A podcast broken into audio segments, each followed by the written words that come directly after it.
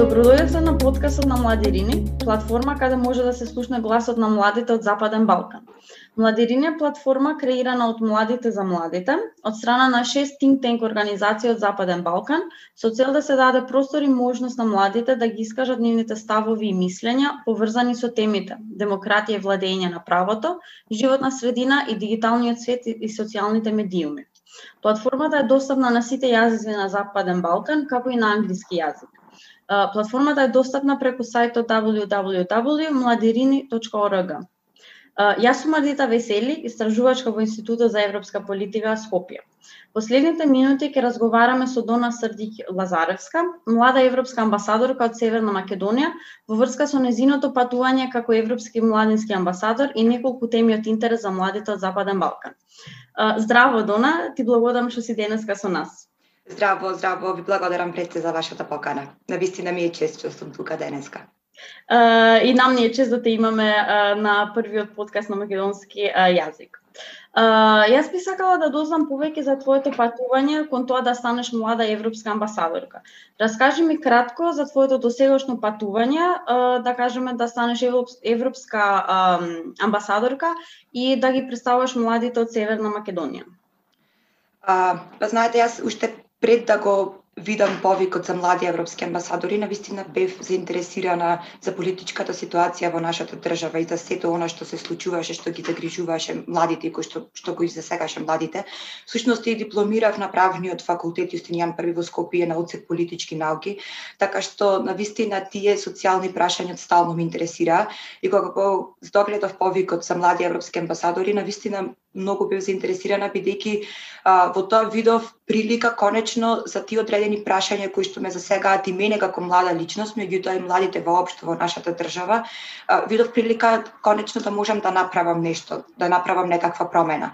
А, кога станавме млади европски амбасадори, бевме избрани да речем на три чекори. Првично беше првично беше нашата апликација која што беше разгледана од страна на организаторите на проектот да видат дали можеме воопшто да станеме млади европски амбасадори. Потоа вториот чекор беше гласање од страна на јавноста и последниот чекор, оние кои што добија најмногу гласови, беа избрани од страна на жири комисија.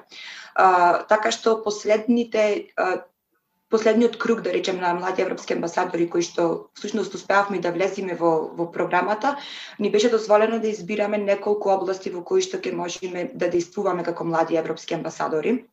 А, јас избрав за област а, родова еднаквост и а, environmental issues, односно прашање поврзани со нашата животна околина. Меѓутоа, за жал, иако сметам дека ова се две теми на кои што на вистина се потребни големи промени.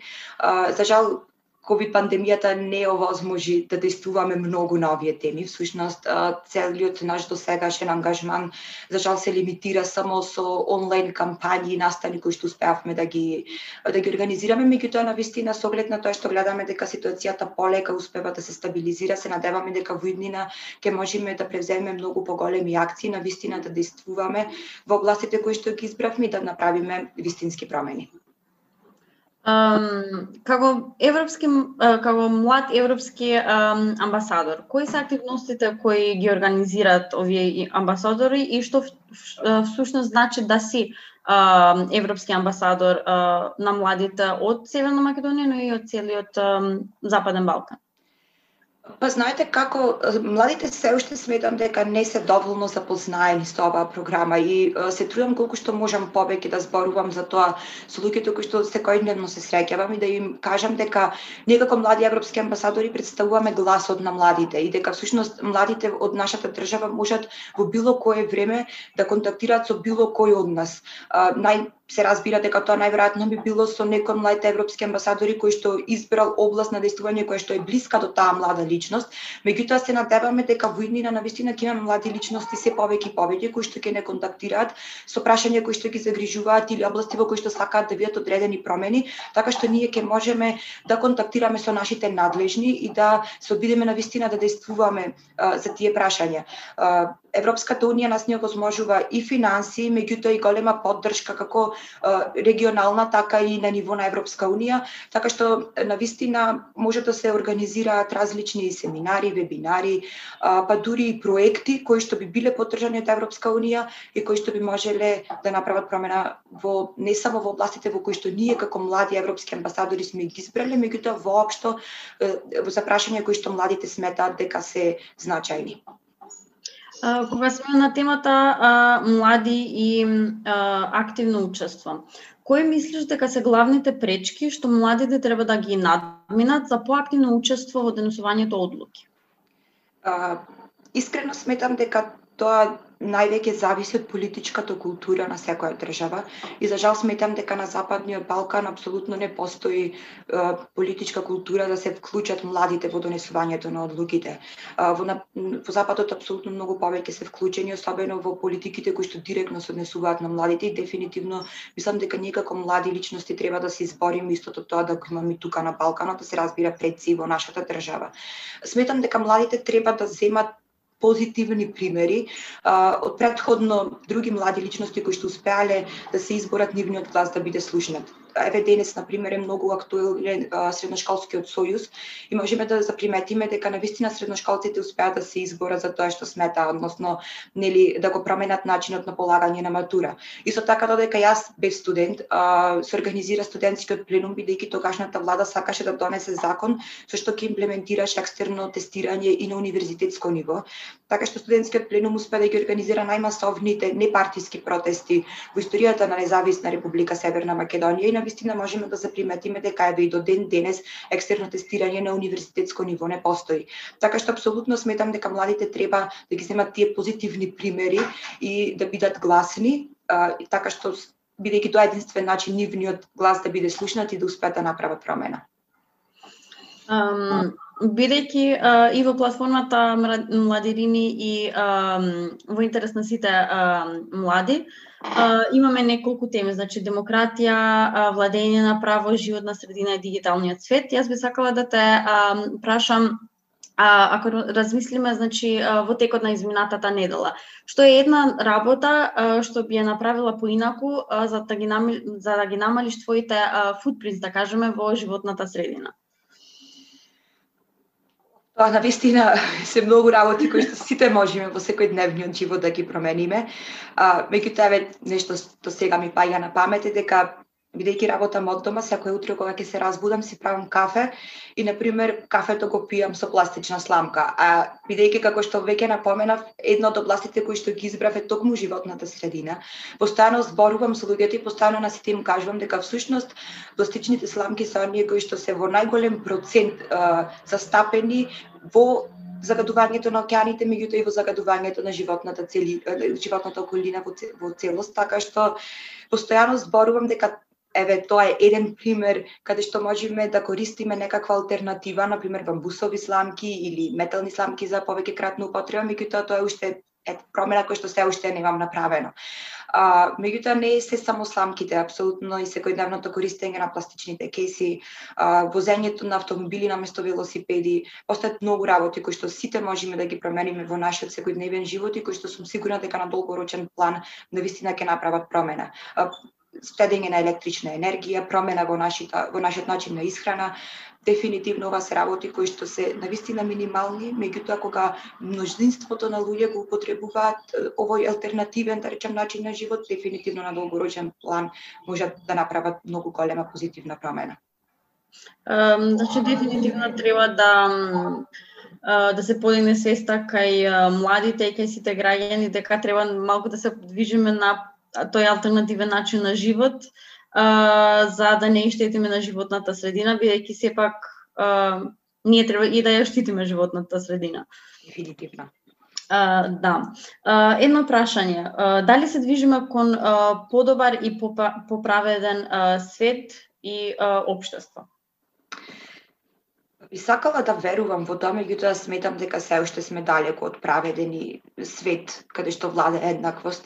А, баш како млад европски амбасадор пред неколку месеци а, бев дел од тимот кој што организираше настан за родова еднаквост.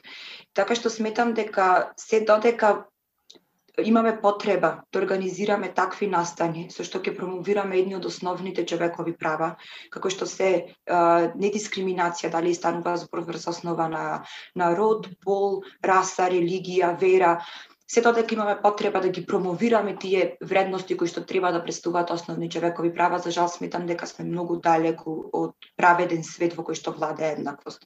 Така што да, може би постојат промени, а, може би сме направиле известни чекори во зависност од мина, по споредба со минатото, меѓутоа апсолутно сметам дека се уште сме далеку од праведен свет. Mm. А како мислиш како како можат младите да да придонесат кон а, еден поправеден поправедно општество? Сметам дека тука на вистина е најважно образованието. А, како и воспитувањето се разбира од семејството и обкружувањето на децата, така што сметам дека пред се тука родителите и професорите можеби ја имаат главната улога сметам дека децата треба уште од најрана возраст да бидат запознаени со тоа дека сме сите еднакви без разлика на нашата позадина и дека едноставно секој заслужува еднаква шанса и мислам дека со доколку успееме да речем така да ги воспитаме децата, така да ги научиме децата од најмлада возраст со промена на генерации, може би ќе успееме да стигнеме до тој праведен и еднаков свет. Mm, ти благодарам. Uh, социјалните медиуми и нивниот uh, однос со младите. Дали социјалните медиуми се алатка за зајакнување uh, или пак uh, за опаѓање? Мислам дека младите се апсолутно многу зависни од социјалните мрежи. Кога веќе 2021 година гледаме дека се повозрастни, повозрастни лица се случат со социјалните мрежи, можеме да замислиме колку се тие важни во светот на младите кои што буквално се пораснати со тие социјални мрежи. А, сметам дека се добра алатка социјалните мрежи за комуникација, за дознавање на нови информации. Меѓутоа, исто така сметам дека зависноста на младите од социјалните мрежи, особено од новите социјални мрежи кои што се појавуваат како TikTok, Snapchat и така натаму, сметам дефинитивно а, дека е на негативна страна на интернетот.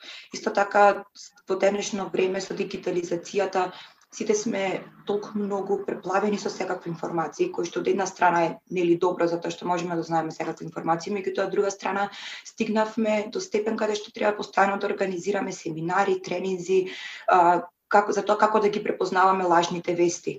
А, така што дигитализацијата колку што има позитивни, сметам дека толку има и негативни страни и дека дефинитивно зависноста на младите од социјалните мрежи е нешто што може негативно да влијае врз низниот раст и развој и дека е нешто на што треба да се внимава.